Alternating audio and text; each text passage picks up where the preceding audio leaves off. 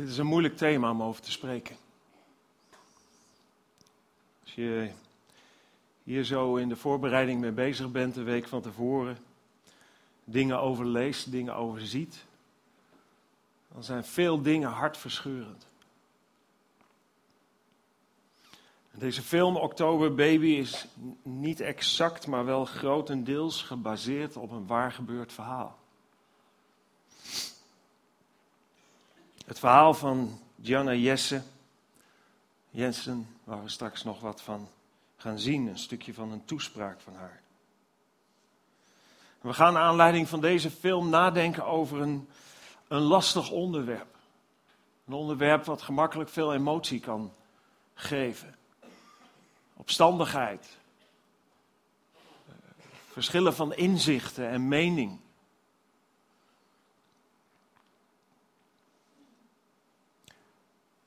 Thema is abortus, helemaal voluit heet het abortus provocatus. Komt van het Latijnse aboriri, wat betekent verloren gaan. En provocare, oproepen. Dus het verloren gaan, oproepen, het bewust verloren laten gaan. Het is een lastig thema, zei ik al, vanwege de verschillende meningen erover en ervaringen en emoties. En als je erover spreekt met mensen, dan zie je ook dat er meteen stelling wordt genomen en mensen snel tegenover elkaar staan.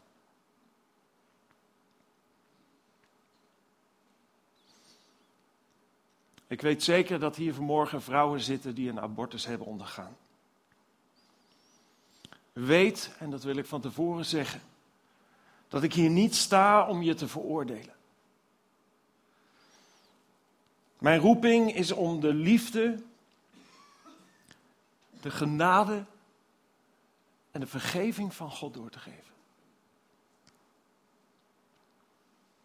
Er zitten hier mensen die voor abortus zijn. Er zitten hier mensen die tegen abortus zijn. Er zitten hier mensen die tegen abortus zijn, maar vinden dat het in sommige gevallen zou moeten kunnen plaatsvinden. En ik zei al, ik sta hier niet om je te veroordelen, maar ik sta hier ook niet om een mooi praatje te houden. Ik zal eerlijk zijn over hoe ik over abortus denk. En waarom ik er zo over denk. En het zal je niet verbazen dat ik mijn mening baseer op dat wat de Bijbel zegt. En probeer daar draagvlak te vinden. Om iets te kunnen zeggen over dit ingewikkelde onderwerp. En waarom zoek ik het daar? Toen Jezus op aarde was en hij dingen uitlegde van van God en over God, ook aan zijn leerlingen. En een keer bij hem was, toen zei hij, als u mijn woorden vasthoudt, bent u werkelijk volgelingen van mij.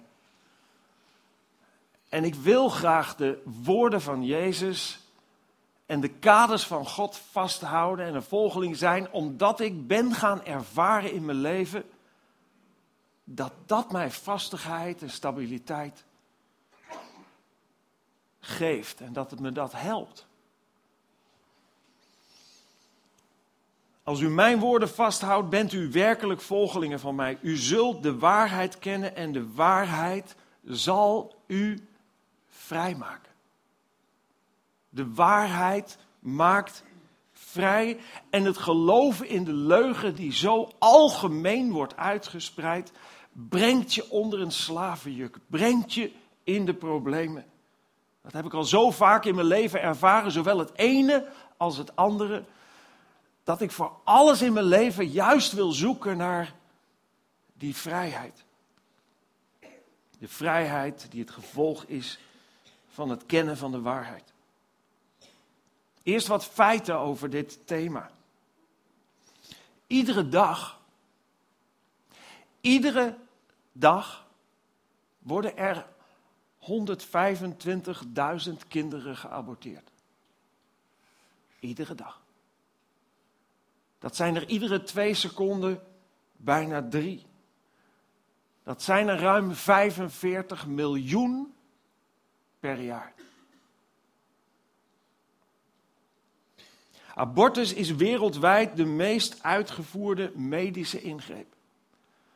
Voor zover je van een medische ingreep kunt spreken. In de zin dat vroeger een medicus een eet deed. En daarin een aantal dingen zei die hier op gespannen voet mee staan. Inmiddels is die eet aangepast en past daar ook abortus en euthanasie in. En valt het nu ook gewoon onder een medische ingreep. En in Europa en vele andere delen van de wereld is het doodsoorzaak nummer één.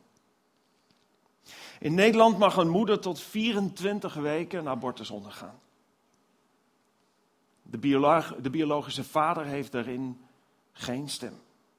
Althans niet rechtsgeldig. In andere landen mag je soms langer en soms korter een abortus laten plegen. En in bijvoorbeeld Canada is abortus gedurende de gehele periode van de zwangerschap toegestaan. Tot vlak voor de bevalling.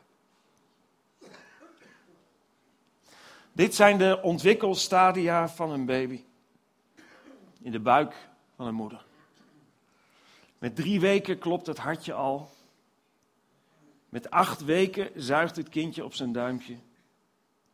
En na twaalf weken moet het alleen nog maar groeien om geboren te worden.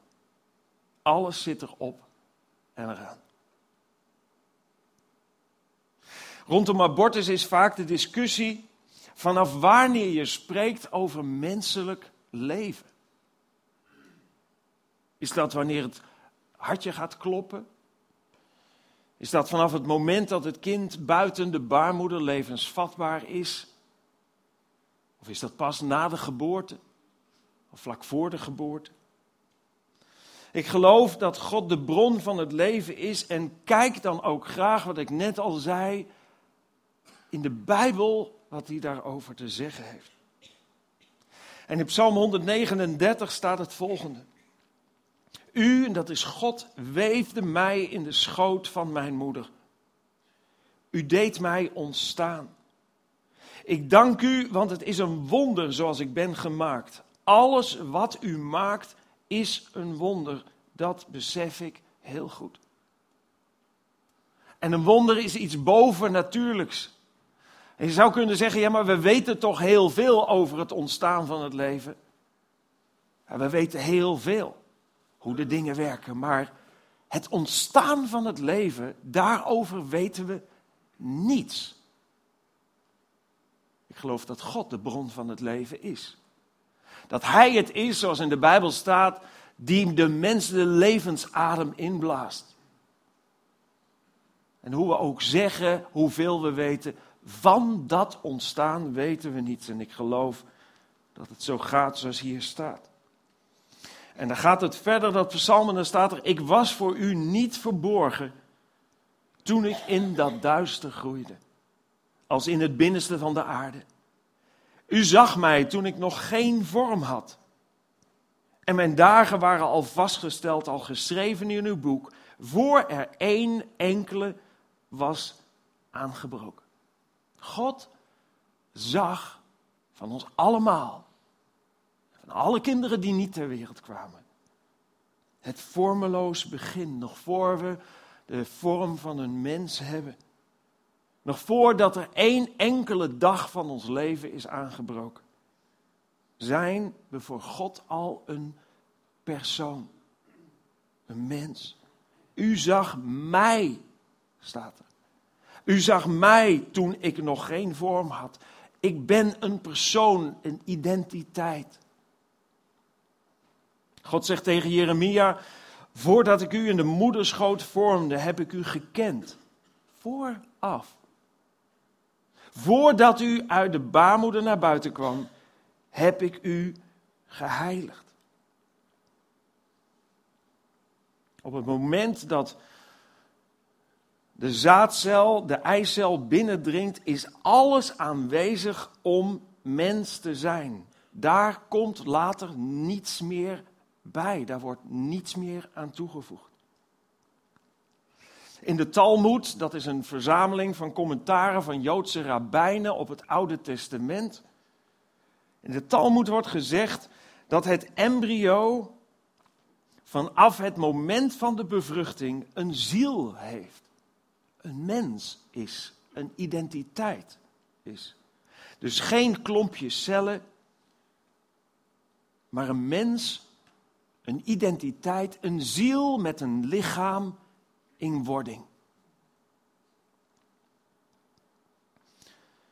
Op de site Mens en Gezondheid staat: zodra de eicel en de spermacel samen versmolten zijn, begint het nieuwe leven.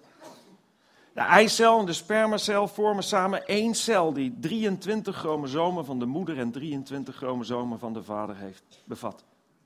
Zo komt het totaal op 46 chromosomen en is het mogelijk om een kindje te gaan vormen.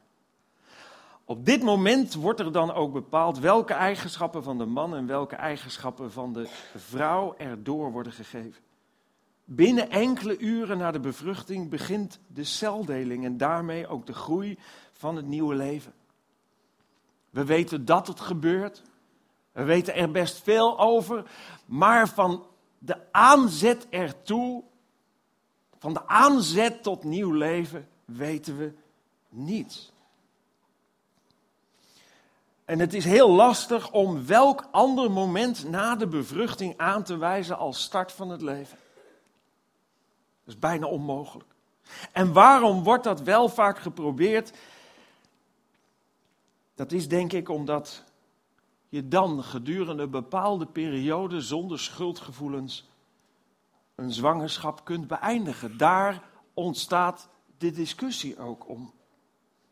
Dan wordt er namelijk niet een kind of een mens in wording gedood, maar dan wordt er slechts weefsel verwijderd.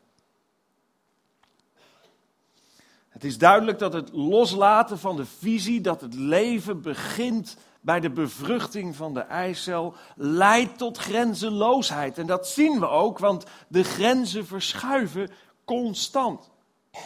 Je zou misschien denken dat met Canada de grens zou zijn bereikt, dat abortus mogelijk is tot, aan vlak, tot vlak voor de bevalling. Maar dan heb je het mis, want inmiddels schuift de discussie alweer verder op.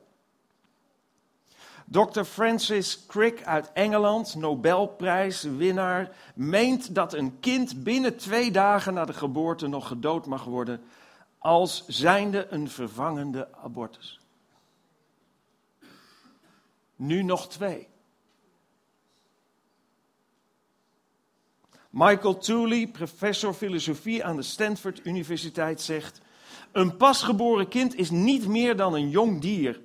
En het wordt pas een mens als het na een aantal weken de psychische kenmerken van een mens krijgt: zelfbewustzijn. Het lijkt me daarom, het lijkt me dan ook geen probleem om een gebrekkig kind binnen twee weken na de geboorte te doden. Gebrekkig? Wat is dan gebrekkig? En hoe schuift die grens verder op? Is gebrekkig dat het niet levensvatbaar is? Net zoals in eerste instantie over abortussen werd gesproken en gerechtvaardigd werd.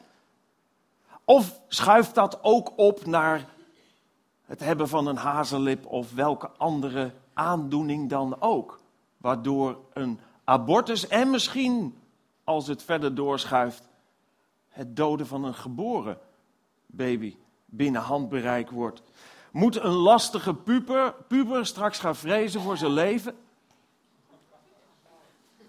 Ja, kan ook heel lastig zijn. Pas maar op.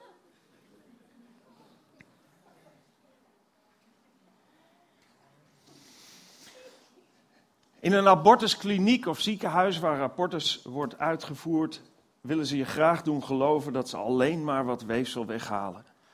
En dat het verder zonder geestelijke of fysieke risico's is. Dat is niet waar. Dat is een leugen. En die leugen brengt je in grote problemen.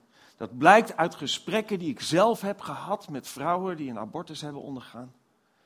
Dat blijkt uit de verhalen die er soms mondjesmaat loskomen.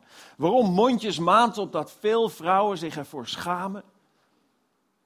onder de pijn en de schaamte en het verdriet gebukt gaan en het daarom maar voor zich houden. In de krant Spits van woensdag 2 oktober stonden enkele reacties van vrouwen die zich hadden laten aborteren. Duidelijk blijkt dat een abortus niet hetzelfde is als een blinde darmoperatie. Een abortus roept op een gegeven ogenblik bij veel vrouwen schuldgevoelens en schaamte op. Een vrouw zei: Ik heb lange tijd niet kunnen lachen, huilen of genieten. Ik leefde op de automatische piloot. Ik voelde me verdoofd. En ze spreekt in het verleden tijd, maar in hoeverre het echt verleden tijd is, mag je je afvragen. Het artikel gaat verder en zegt: na een abortus gaat het leven meestal niet gewoon verder voor de vrouw. Een abortus brengt veel spanning met zich mee, zodat vrouwen na een abortus vaak huilbuien hebben en zich wankel, onevenwichtig, onzeker en bibberig voelen. Ze hebben verdriet.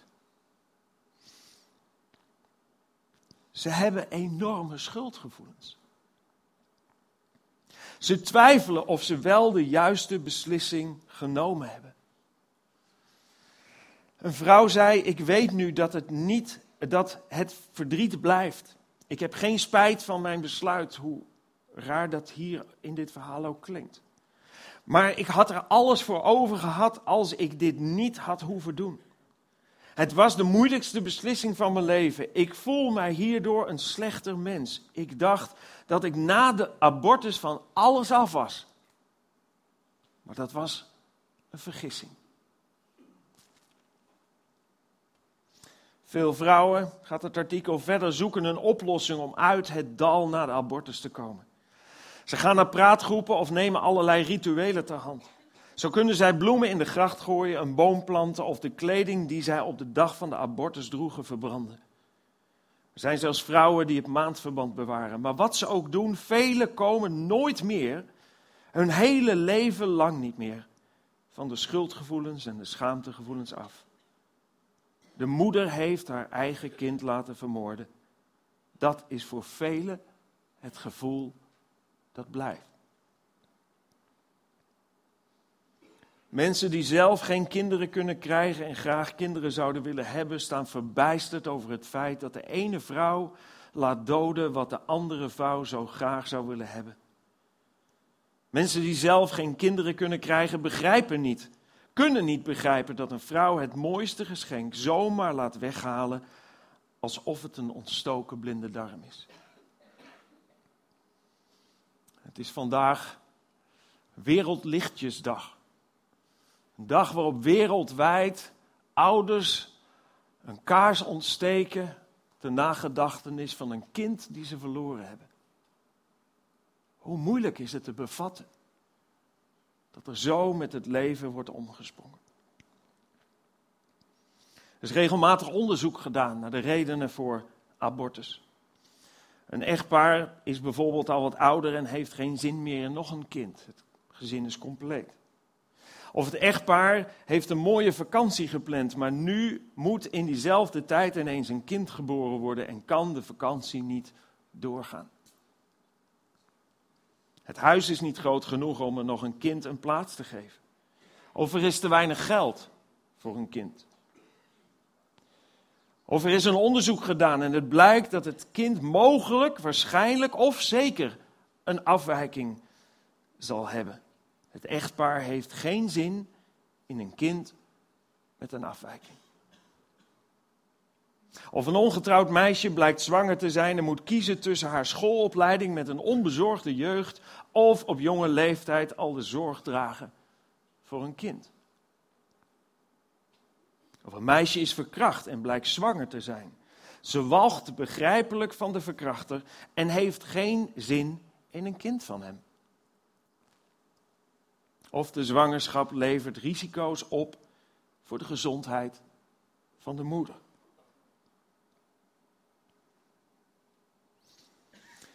Abortus zal waarschijnlijk verdwijnen of vrijwel verdwijnen als iedereen weet wat er werkelijk bij een abortus gebeurt en wat vaak de lichamelijke en psychische gevolgen ervan zijn. Het taboe en de schaamte rondom abortus maken dat er weinig bekend is van wat er echt gebeurt en wat de impact ervan is. Waardoor vele, soms jonge moeders, deze behandeling nog steeds naïef ondergaan. Hoe gaat dat in zijn werk in Nederland? We kennen de zogenaamde abortuspeel, die tot drie weken over tijd geslikt kan worden, waardoor de embryo los van de baarmoederwand komt en daar op die manier eigenlijk een spontane abortus ontstaat. En ik vind persoonlijk eigenlijk ook het spiraaltje onderdeel van dezelfde manier van handelen, waardoor je actief een eicel die bevrucht is, blokkeert om te nestelen in de baarmoeder, want dat kan uitgroeien tot een kind. Je hebt de prostaglandinebehandeling. Bij deze behandeling, die doorgaans bij een zwangerschap, zwangerschapsduur van meer dan 13 weken wordt toegepast, maakt de arts het vruchtvlees stuk, zodat het vruchtwater wegloopt en de vrucht, niet het kind, het vrucht, de vrucht in de baarmoeder sterft. Vervolgens worden de weeën opgewekt, waardoor ze na 6 tot 12 uur een niet meer in leven zijnde foetus baart. Tijdens deze behandeling krijgt ze valium toegediend, zodat het niet te pijnlijk is. En het kind? Ondanks de discussie die erover is, van wanneer af een kind pijn kan waarnemen, of emotie of angst kan waarnemen, de voor's en tegens kun je met zekerheid zeggen dat we het niet weten.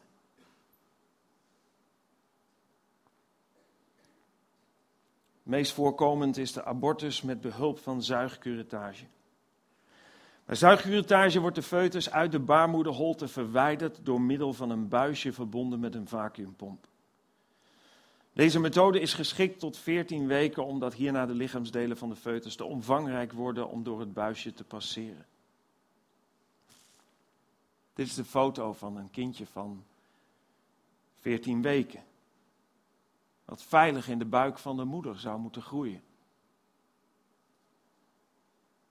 Maar wat uiteengerukt wordt. En naar buiten gezogen worden. Gezogen wordt alsof het niks is. En als laatste is daar de dilatatie en evacuatie. Dilatatie en evacuatie kan worden toegepast wanneer zuigcurettage niet meer mogelijk is. Eerst wordt de baarmoederhals met behulp van medicijnen verwijt. Dat is de dilatatie. dilatatie. Vervolgens wordt de vrouw verdoofd en kan de arts met instrumenten de foetus in gedeelte uit de baarmoeder verwijderen. Er staan meer dan voldoende foto's op het internet, hoe dat eruit ziet. Maar ik vind de foto's van geaborteerde kinderen zo schokkend en zo mensonterend. Dat ik ervoor gekozen heb om ze niet te laten zien. Ik werd dus aangesproken in de stad. Het is alweer een heel aantal jaren geleden door iemand van Greenpeace. Die daar actie aan het voeren was voor zeehondjes. En die vroeg, ze, die vroeg mij of ze me een vraag mocht stellen. Ik zei, dat is goed, als ik jou dan daarna ook een vraag mag stellen. Dat mocht. Dat had ze nooit moeten doen. Zij ging een verhaal houden over de zeehondjes en hoe de zeehondjes doodgeknuppeld worden met winst, oogmerk in het achterhoofd en hoe op dieronwaardige wijze, en dat was ik helemaal met haar eens, met deze dieren werd omgesprongen. En dat zei ik ook tegen haar. Ik belangrijk vond wat ze deed en dat ze daar ook voor opkwam. En toen vroeg ik haar, hoe denk jij over abortus? En toen zei ze, daar heb ik geen moeite mee. Dat vind ik geen probleem. Dat moet de moeder zelf weten. Dus het leven van een kind in wording is minder dan een dier waarvoor je opkomt en waarvoor je strijdt. zijn we zo ver gekomen met elkaar.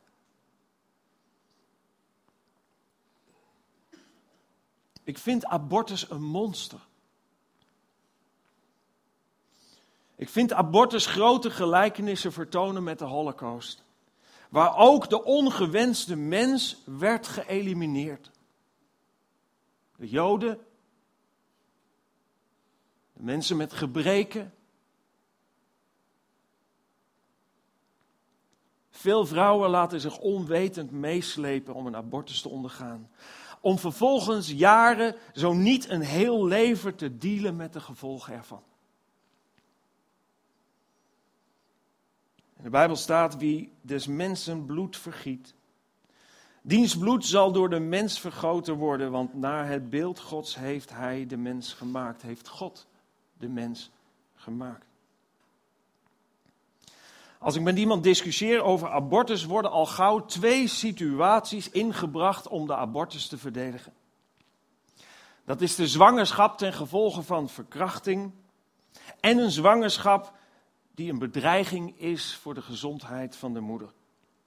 En ik zou blij zijn als de discussie alleen hierover zou gaan en dat we de rest van de redenen voor abortus ongegrond zouden verklaren, want daarmee zou zo'n 95% van de abortussen verdwijnen.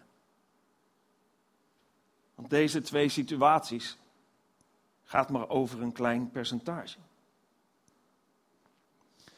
Vind ik een abortus gelegitimeerd wanneer de zwangerschap het gevolg is van een verkrachting? Nee. Nee, beslist niet. En waarom niet? Omdat het mij niet verstandig lijkt om een vrouw, jonger of ouder, die verkracht wordt en daardoor getraumatiseerd, ook nog eens een trauma te bezorgen ten gevolge van de abortus die ze laat plegen. Want dat is in veel gevallen het gevolg. Het kind verwekt door een verkrachter is geen monster.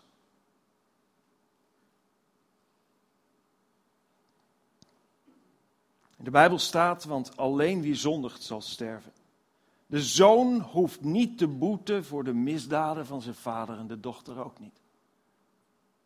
Ieder draagt zijn eigen verantwoordelijkheid en een kind wat op die manier geboren wordt, kan wanneer het opgroeit in geborgenheid en liefde, net als ieder ander kind, zich positief ontwikkelen, net zoals een kind zich negatief kan ontwikkelen in van allerlei situaties.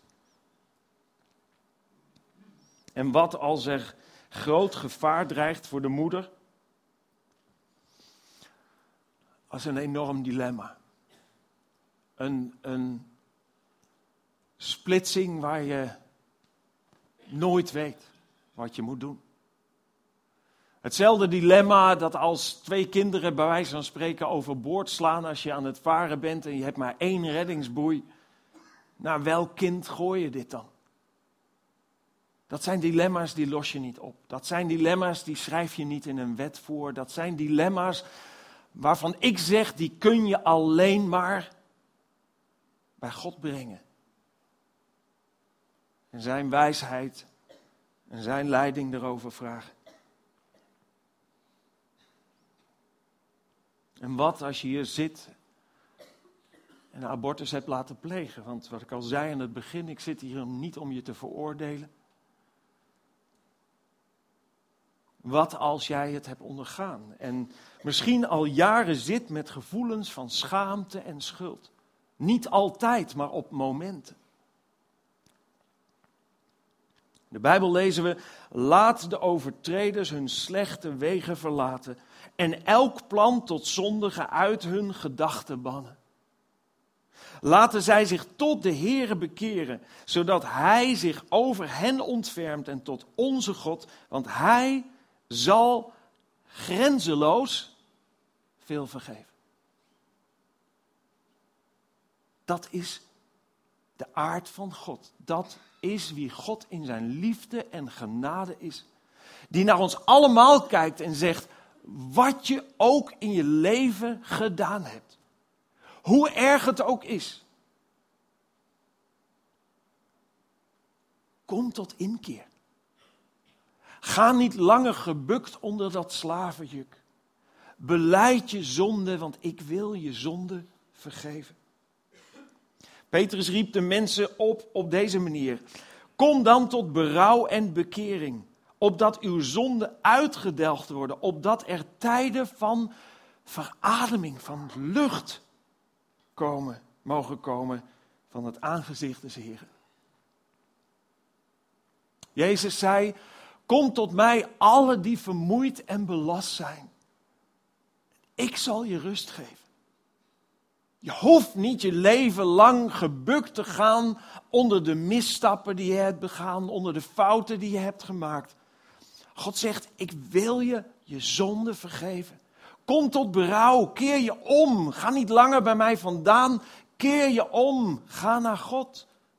Beleid je zonde en ontvang vergeving en laat die last van je schouders afnemen. Dat juk waaronder je gebukt gaat. Kom tot mij, alle die vermoeid en belast zijn, en ik zal je rust geven. Neem mijn juk op je, zegt Jezus. Want ik ben zachtmoedig en nederig van hart. En je zult rust vinden voor je zielen, want mijn juk is zacht en mijn last is licht, zegt Jezus. Zullen we bidden en danken. Wel, Heere God, dat u van ons houdt. En dat u het leven geeft. Dat we het leven van u hebben mogen ontvangen en dat het doel van ons leven is om uiteindelijk voor altijd bij u te zijn. Ik wil u zo danken, Heer, dat u ons uw woord, de Bijbel, heeft gegeven. En dat we daarin kunnen lezen wat waarheid is. Wat ons helpt. Wat ons een mooier mens maakt als we werkelijk toepassen wat er staat. Minder egoïstisch, minder op onszelf gericht. Meer gericht op het geluk van de ander. Leven tot eer van u. Heer God, ik wil u zo bidden of u ons wilt helpen om steeds meer te ontdekken wat waarheid is. Want ten diepste zijn we allemaal op zoek naar geluk. We hunkeren naar geluk en naar vrede in ons hart. En naar geborgenheid. En naar hoop. Naar hoop over dat wat over de grens van de dood is. Heer, en u strekt uw hand naar ons uit en u heeft het verlangen om een relatie met ons te hebben. Wat mogelijk gemaakt is omdat u uw zoon, de Heer Jezus Christus, naar deze aarde stuurde, die stierf voor onze zonden. En zo de prijs betaalde voor ons kwaad, voor onze tekortkomingen. Heer, u kent ons allemaal hoofd voor hoofd zoals we hier zitten. U kent ons ook als we een abortus hebben ondergaan. Als we die keuze hebben gemaakt om welke reden dan ook. En u zet ons niet aan de kant. U stuurt ons niet weg. Ook voor ieder die dat heeft ondergaan geldt uw uitnodiging. Kom. Ik wil je vergeven.